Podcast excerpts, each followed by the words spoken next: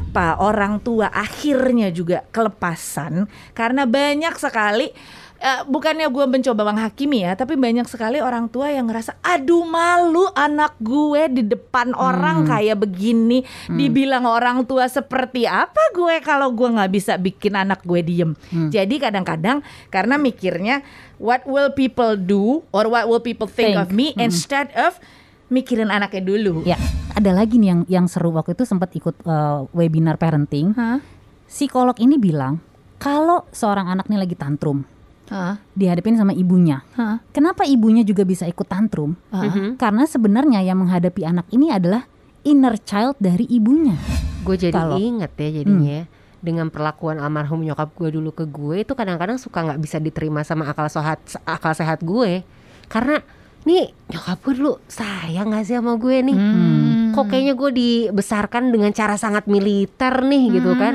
Kok kayaknya nyokap gue tuh nggak seperti nyokap nyokap yang lain nih Oke. yang penuh cinta kasih gitu kan yang bisa uh, yang bisa dengerin semua cerita anak-anaknya dan oke. kita pun bisa terbuka sama orang tua gitu kan.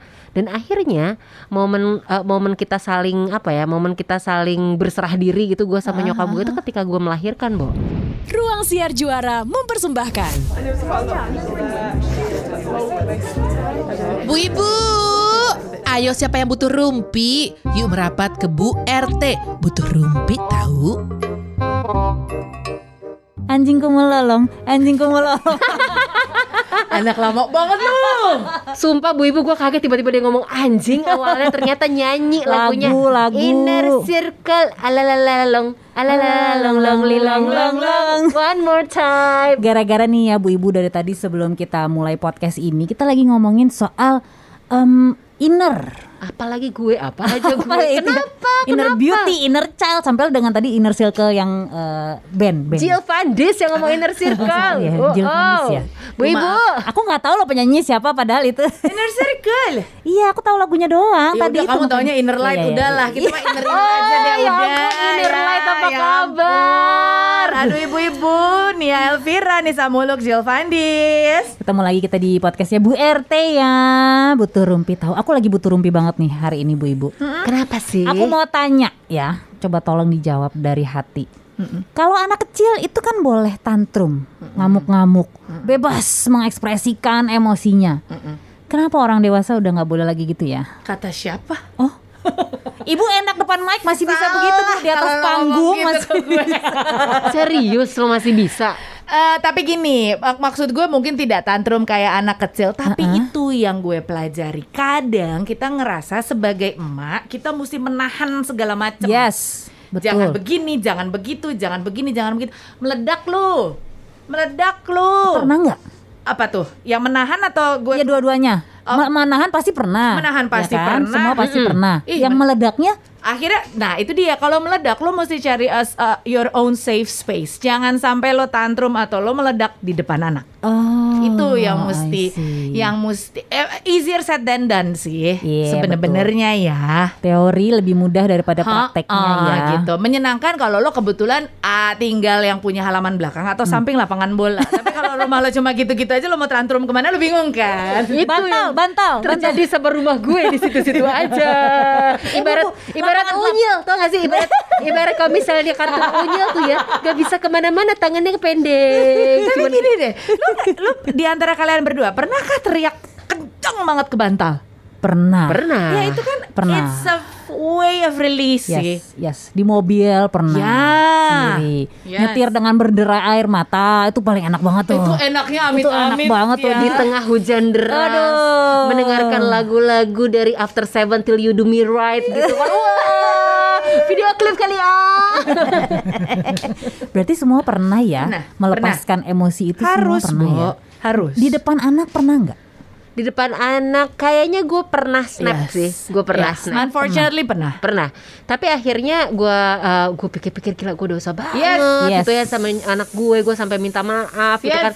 Tapi uh, gue minta maaf sama anak gue pas lagi tidur. Iya. dan akhirnya ketika gue pikir-pikir apakah gue adalah seorang ibu yang pemarah? gitu kan. Hmm. Gue pikir-pikir gue ulang-ulang. Akhirnya gue dapat jawabannya. Ya menurut gue ya menurut gue jawabannya adalah gue itu tidak pemarah tapi gue sering banget melakukan terlalu banyak kegiatan dalam satu waktu. Itu bikin gue jadi nggak fokus. Hmm. Nah, ketika gue nggak fokus, gue ngerasa diburu-buru, Bo.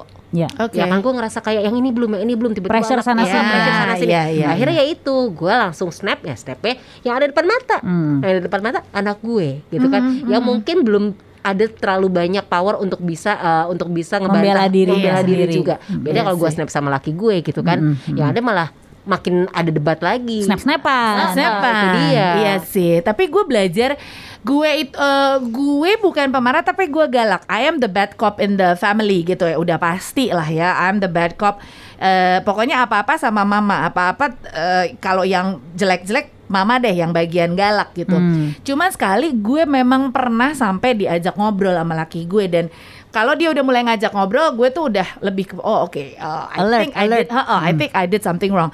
Dia bilang gue boleh minta, lo gue boleh minta tolong nggak? Kalau lu lagi marah sama anak lu, treat him as your son, don't treat him as me. Dak, gue kayak kegampar. Karena kalau gue marah sama anak gue, habis itu gue masih merecet, Bo. Masih, masih Oke. panjang kayak gue marah sama bapaknya. Oke. Misalnya, Oke.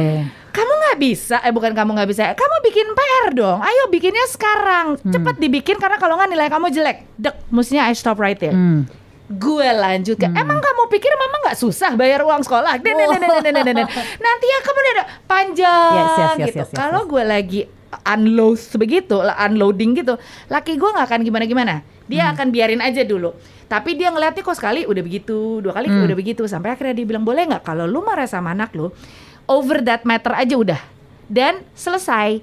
Jangan kayak lu marah sama gue. Kalau marah sama dia kan panjang banget. Di situ gue kayak ge- kegampar dan gue bilang iya, gue mesti seperti itu. Tap ini Iya, gitu. Oke oke. Pemicunya biasanya apa? Kalau tadi kan Nia kan bilangnya karena terlalu banyak hal-hal yang dibikin deadline sendiri gitu ya. Yes. Iya, gue mencoba multitasking, Multitasking, tapi oke. ternyata kan multitasking nggak nggak selamanya bagus Betul. ya. Iya. Betul. Pemicunya biasanya Yes. di gue 80% capek nek. Karena capek. Yes. Karena capek. Capung, lagi capung, udah capek mentally, physically, dan itu Virgo, Virgo itu tidak terbiasa untuk mengkomunikan, mengkomunikan, mengkomunikasikan kom, kom. pera- perasaan. Hmm. Everything is okay, everything is good. Ah. Dan lo semua baik-baik saja. Ya, semua baik-baik saja. Gitu. Kalaupun gua kenapa-napa orang nggak akan tahu. I Tapi kalau di dalamnya lagi berantakan, gue gue carry sendiri, gue pegang sendiri, sedikit kesalahan I snap. Hmm. Kalau gue pernahnya itu karena selain karena capek, biasanya gue lagi punya masalah sama pasangan. Itu Hmm. udah paling-paling. Dari dulu, Merembet akhirnya. yes, Iya. dari dari gue kecil kalau misalnya gue sama si cowok ini kenapa-napa gitu, wah kayaknya nggak bisa belajar, nggak bisa ngapa-ngapain gitu. Tapi kalau masalah sama orang tua, masalah sama temen, I don't have any problem with that. Iya. Hidup gue baik-baik aja gitu. Mm-mm. Tapi kalau udah punya masalah sama pasangan, udah tuh. Yang ada di depan mata seperti kata Ambu, udah kena ini, ayo dong cepetan cuci wishy washinya cepetan gitu. Ayo udah, udah malam nih udah harus tidur yuk buncu udah capek gitu, lalalala, gitu merepet. Tapi pernah juga dulu pada saat mereka masih eh, fasenya mukul. Hmm. Anak kecil kalau nggak suka, tak mukul kan? Ya, ya, ya. Mukul kan? Dan harusnya kan kita kasih tahu bahwa kalau orang lain melakukan itu sama kamu, kamu pasti nggak akan suka kan? Yes. Nah, salahnya waktu itu gue langsung refleks mukul balik untuk ngasih tahu. Oh. Walaupun habis itu nyesel banget ya. Kenapa mesti gue pukul juga? Pokoknya tujuh jut- eh, detik nyeselnya tujuh tahun ya, Nek. Bener. Yang kayak gitu. Nah, Iya ya, sih. sebenarnya lebih kepada eh, ngasih ngasih apa namanya ya ngasih contoh bahwa mereka ini kan nggak salah ya. Maksudnya mereka tuh ya they're just being a kid. Iya. Kitanya yang lagi mumet, yang lagi ibaratnya gunung berapi mau meletus, Iya. disenggol dikit, cetar gitu kan. Iya Eh, tapi ini menarik deh. Itu eh, apa aja? ah, sorry, anak lo sama anaknya Kajil pernah dalam fase memukul. Yes. Anak gue tuh mukul tapi mukul diri sendiri loh. Oh, itu dia. Itu juga berarti ya itu salah sudah satu berhenti fasenya. sih, itu sudah berhenti. Tapi dia sempat jadi kalau misalnya dimarahin, Hmm. misalnya gue ngomel atau bapaknya ngomel, Mm-mm. dia nggak pernah mukul gue atau mukul atau Orang mukul lain. orang lain. Dia mukul dirinya sendiri, dia mukul kepala, dia tiba-tiba dia tiba-tiba nangis tuh. Apa gue juga mikir ini kenapa? Ya? ah, ah. Karena gue jadi malah ngerasa gue yang kaget gitu Yes. kan. Ada satu momen, loh, loh, loh, loh, loh, kenapa nih video begini nih? Heeh. Walaupun akhirnya dia berhenti dengan sendirinya sih. Oke, it's it's just a face ceritanya waktu itu begitu. ya. Gue mungkin dia belum bisa bisa dia belum bisa uh, belum terlalu lancar bicara akhirnya belum bisa mengkomunikasikan nggak kayak sekarang kayak sekarang kan udah Ya. bisa melarang udah bisa menolak gitu kan begitu Mungkin memang anak-anak tuh vers- eh, apa namanya versi tantrumnya beda-beda ya. Iya sih. Ada yang dengan mukul, Ya. ada yang kayak anakku yang gede tuh dia susah mengeluarkan eh, apa yang ada di pikirannya. Jadi kalau ditanya kenapa, cuma bisa tes mewek doang, Oh, ya kan? rusak dalam Eh, Iya, fragile di Oh, dalamnya oh, nih oh, ya kan. oh, oh. Dulu waktu dia kecil, dia pernah satu masa tiba-tiba dia gak suka dimarahin kenapa gitu ya. Dia teriak cuman ah gitu dong. Oh, gue yang gemeter Iya langsung kan. Ya itu versi tantrumnya anak-anak, tapi anak gue yang kedua yang bontot tantrumnya sering. Nanti ya gue ceritain abis ini ya. Yes. Nah, kalau anak gue yang bontot nih si Saka ini, dia memang dari kecil eh, luar biasa rewelnya. Kalau mau Oke. apa nangis, mau apa nggak di nggak dikasih nangis nggak ini nangis gitu. Dan bisa nangis yang guling-gulingan gitu. Oh pernah, Lu pernah ngalamin di mall atau di tempat-tempat keramaian lainnya Di mall pernah. Di mall pernah. apa yang lo pernah. lakukan Jadi sebelum jadi dia nggak guling-gulingan untungnya, tapi dia nggak mau bergerak, nangis Oh. aja, Wah, gitu. Oke. Nah, gue dulu sempet nonton apa namanya tuh da, ne, bukan bukan Nenis Diaries apa tuh ada kayak dokumenter 911 yang yang yang si Joe yang Yes. uh, Inggris. Yes, Yes. Gua betul. tahu apa Ada ada ada Jadi sangar banget tuh Nanny keren banget. reality show Yes. tentang si si kayak ibaratnya kayak eh, Miss Mc, apa Nanny McPhee Iya. ya Nanny McPhee yang dia datang ke rumah-rumah anak-anak yang bermasalah gitu loh jadi orang tuanya tuh minta tolong Sem- semacam Caesar Milan gitu ya Iya. Tapi ini anak kecil. Caesar kan buat anjing ya, ini buat anak kecil. ya Allah Jadi di situ sempat gue sempat ada lihat gimana caranya nanganin anak yang tantrum, Heeh. yang marah-marah nangis-nangis. Caranya adalah bawa dia ke satu sudut, Iya. taruh di situ dan kasih tahu nangisnya di situ aja. Mm-mm. Kalau dia, oh kita tinggal dia nguber lagi, balikin, Balikin lagi. lagi. Taruh lagi apa dia ngikut balikin lagi. Iya. Itu terus sampai dengan di adegan satu episode itu akhirnya si anaknya diam di situ nangis, diam di situ Iya. nangis sama lama-lama tangisnya mereda. Benar. oh Nah, akhirnya gue coba untuk terapkan itu ke anak gue, Yes. ya kan? Gue taruh di situ, ngejar lagi, balikin lagi. Oh sebelumnya tapi gue giniin dulu, Eh gue kasih waktu gue hitung sampai 10 Mhm. Bunci hitung sampai 10 ya. Mm-mm. Kalau sampai 10 masih nangis berarti time out di corner dulu, gitu, time out. Udah satu sampai 10 masih, "Wah," udah, gue taruh di pojok. Terus begitu sampai akhirnya gue bilang, eh kalau udah berhenti nangis baru boleh ke bunci. Mm-mm. Udah nggak nangis. Gimana coba? Dia nggak nangis, sih, dia hanya menyuarakan concern. I'm not crying. Iya. I'm done crying. Tapi masih Iya. teriak gitu. iya sih. Terus sempat nanya juga sama satu psikolog anak waktu Iya. di satu event gitu. eh, yang harus ditegaskan adalah pada, bahwa pada saat anak itu marah-marah dan nangis-nangis, kita tidak boleh menunjukkan sikap be- bermusuhan. Exactly. Oh Yes. Kita nggak boleh jadi musuhnya, kita nggak Yes. boleh marahin dia balik, kita nggak boleh Yes. menyalahkan karena anak itu hanya menunjukkan emosinya. Ya. Yang dia belum tahu nih gimana cara menyalurkannya. Tapi balik lagi sama pertanyaan lo di awal Bunci Ya? Kalau anak boleh tantrum kenapa emak yang gak boleh tantrum Ya. Nah biasanya pada momen seperti itu Kan level kesabaran orang tua diuji Yes, Nah iya jadinya tuh. tantrum juga Apalagi kalau di tempat keramaian Betul. Gue sih alhamdulillah sampai sekarang nggak pernah mendapatkan momen Hideo tantrum di mall atau di mana nggak pernah yang sampai parah banget Iya, dua iya, jam iya. nangis tuh enggak lah masih bisa dihandle semuanya gitu kan cuman ya itu kan banyak banget tuh orang-orang akhirnya eh, tantrum balik sama Yes. anaknya terus gimana tuh kalau kayak Nah, gitu karena nah ini gue belajar banyak banget ya memang pada dasarnya kan kita diberkati di satu pekerjaan yang bukan hanya sebagai eh, penyiar, presenter atau MC, tapi kita banyak ketemu webinar eh, maksudnya seminar segala Yes. macam kayak gitu kan. Ahli, be- be- ketemu banyak ahli ya. Hmm. Anakku yang pertama si Jericho itu dia anak manis, Hmm. eh, baik hati, baik everything warm hearted deh Hmm. gitu. Habis itu si seruntul kelahir kan.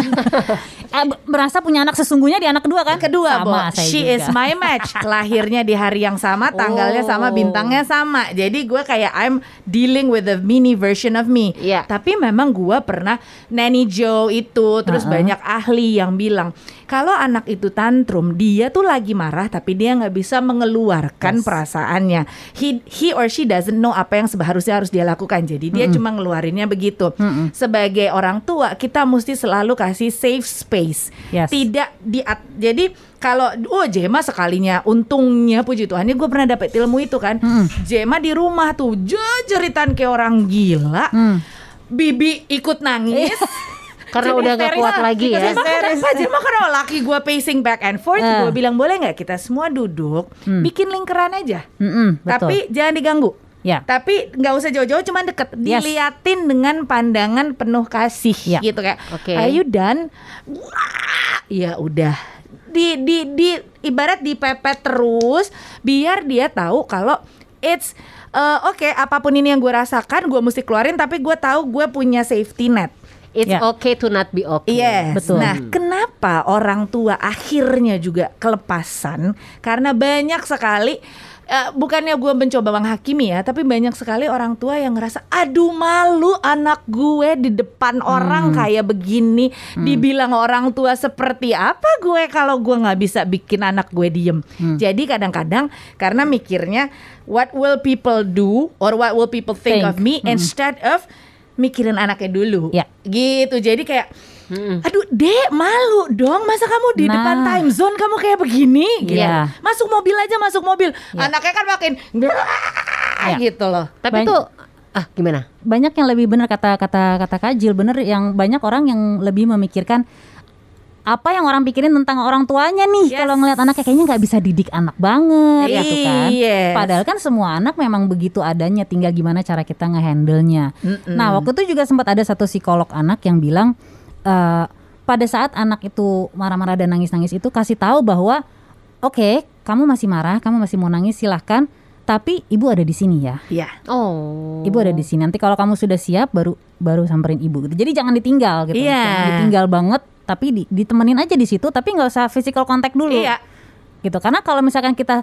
mau peluk pun juga kan ada yang nggak mau kan? Ada yang nggak mau dipeluk kan? Ada juga yang wah makin-makin gitu. Iya. Terus ada lagi nih yang yang seru waktu itu sempat ikut eh, webinar parenting. Hah?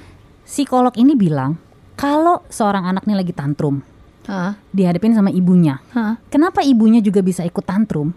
Karena sebenarnya yang menghadapi anak ini adalah inner child dari ibunya. Dar. oh ini si ala-lalong itu tadi kita di awal Iya, ya betul. inner child Inner child dari apaan ibunya. tuh nek Nanti. Jadi banyak sebenarnya orang tua yang nggak menyadari Heeh. kita ini punya trauma-trauma masa kecil Oh. dari orang tua kita masing-masing. oke Yang mungkin juga orang tua kita ini dapetnya dari orang tua mereka. Jadi Oh, si semacam cycle revenge ya. itu, iya Yes. Oh. yang nggak selesai, nggak bisa ditanggulangi sama orang tua kita. Akhirnya pada saat mereka menangani anaknya, Mm-mm. ya keluarlah mereka sebagai anak kecilnya juga, termasuk kita. Mungkin kita nggak bisa menangani inner child kita yang dulu mungkin pernah terluka sama orang tua kita. Mm-mm. Jadi yang menghadapi anak kita itu adalah anak kecil dalam diri kita. Oh, Let's say gini, misalkan oke. anak kita eh, bikin rumah berantakan nih pada saat kita lagi capek lagi ini kan pasti ya di anak kecil dalam kita yang yang yang bilang aduh kenapa sih rumah nggak pernah bisa beres baru diberesin sebentar udah berantakan lagi padahal pengen pulang ke rumah tuh rumah rapi segala macam gitu. Tapi kenapa nggak bisa? Ya sebenarnya kan itu hal yang lumrah. Punya anak kecil pasti rumah berantakan Iya, iya, gitu iya. kan. Nah kalau misalkan kita yang sebagai orang dewasa kan kita menghadapinya nggak seperti itu. Mungkin kita bisa menghadapinya dengan let's say dek rumahnya berantakan nih beresin yuk sama-sama yuk Ah, gitu Mm-mm. tapi kalau anak kecil ngadepinnya kan juga dengan ah dengan whining lagi Yes. dengan dengan marah lagi yes Ya, ya. itu sih itu gue jelek banget tuh pas dibilang inner Iya, child ya. ibunya eh iya ya Eh, gue jadi Kalau- inget ya jadinya ya. Dengan perlakuan almarhum nyokap gue dulu ke gue itu kadang-kadang suka nggak bisa diterima sama akal sehat akal sehat gue. Karena nih nyokap gue dulu sayang gak sih sama gue nih? Hmm. Kok kayaknya gue dibesarkan dengan cara sangat militer nih gitu kan? Kok kayaknya nyokap gue tuh nggak seperti nyokap-nyokap yang lain nih, Oke. yang penuh cinta kasih gitu kan, yang bisa eh, yang bisa dengerin semua cerita anak-anaknya dan Oke. kita punya bisa terbuka sama orang tua gitu kan. Dan akhirnya momen eh, momen kita saling apa ya, momen kita saling berserah diri gitu gue sama nyokap gue itu ketika gue melahirkan, Bo ah oh ketika iya gue melahirkan. Jadi Oke. ketika gue melahirkan anak gue gitu kan gue minta maaf, gue bilang makasih sama nyokap gitu kan.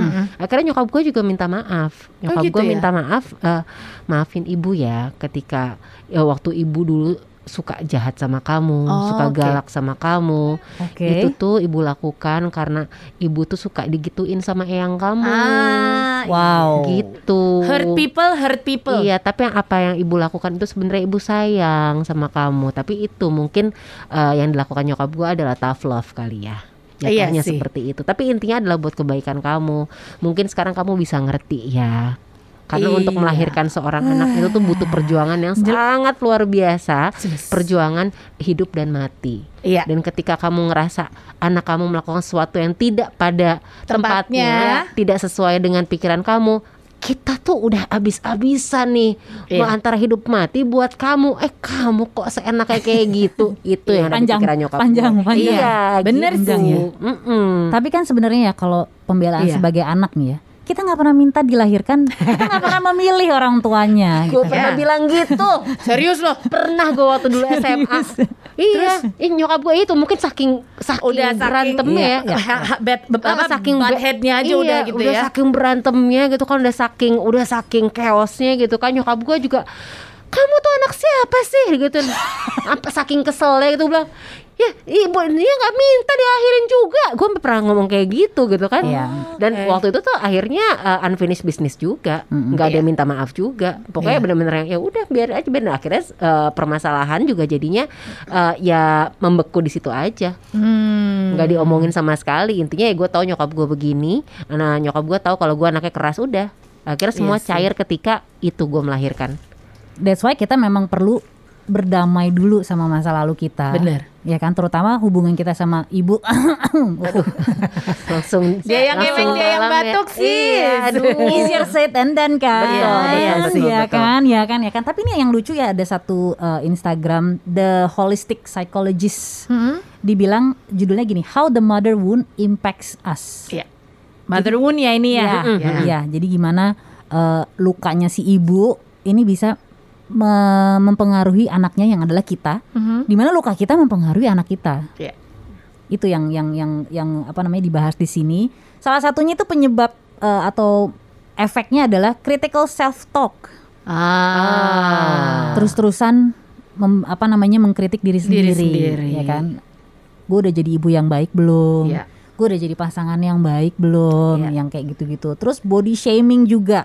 ah Gimana ibu kita membicarakan tentang tubuh kita? Pernah ada gak sih kalian yang digituin sama orang Of tua? course. Oh ya? Heeh. gue enggak sih Masalahnya again terga kalau menurut gue tergantung gimana anaknya sih.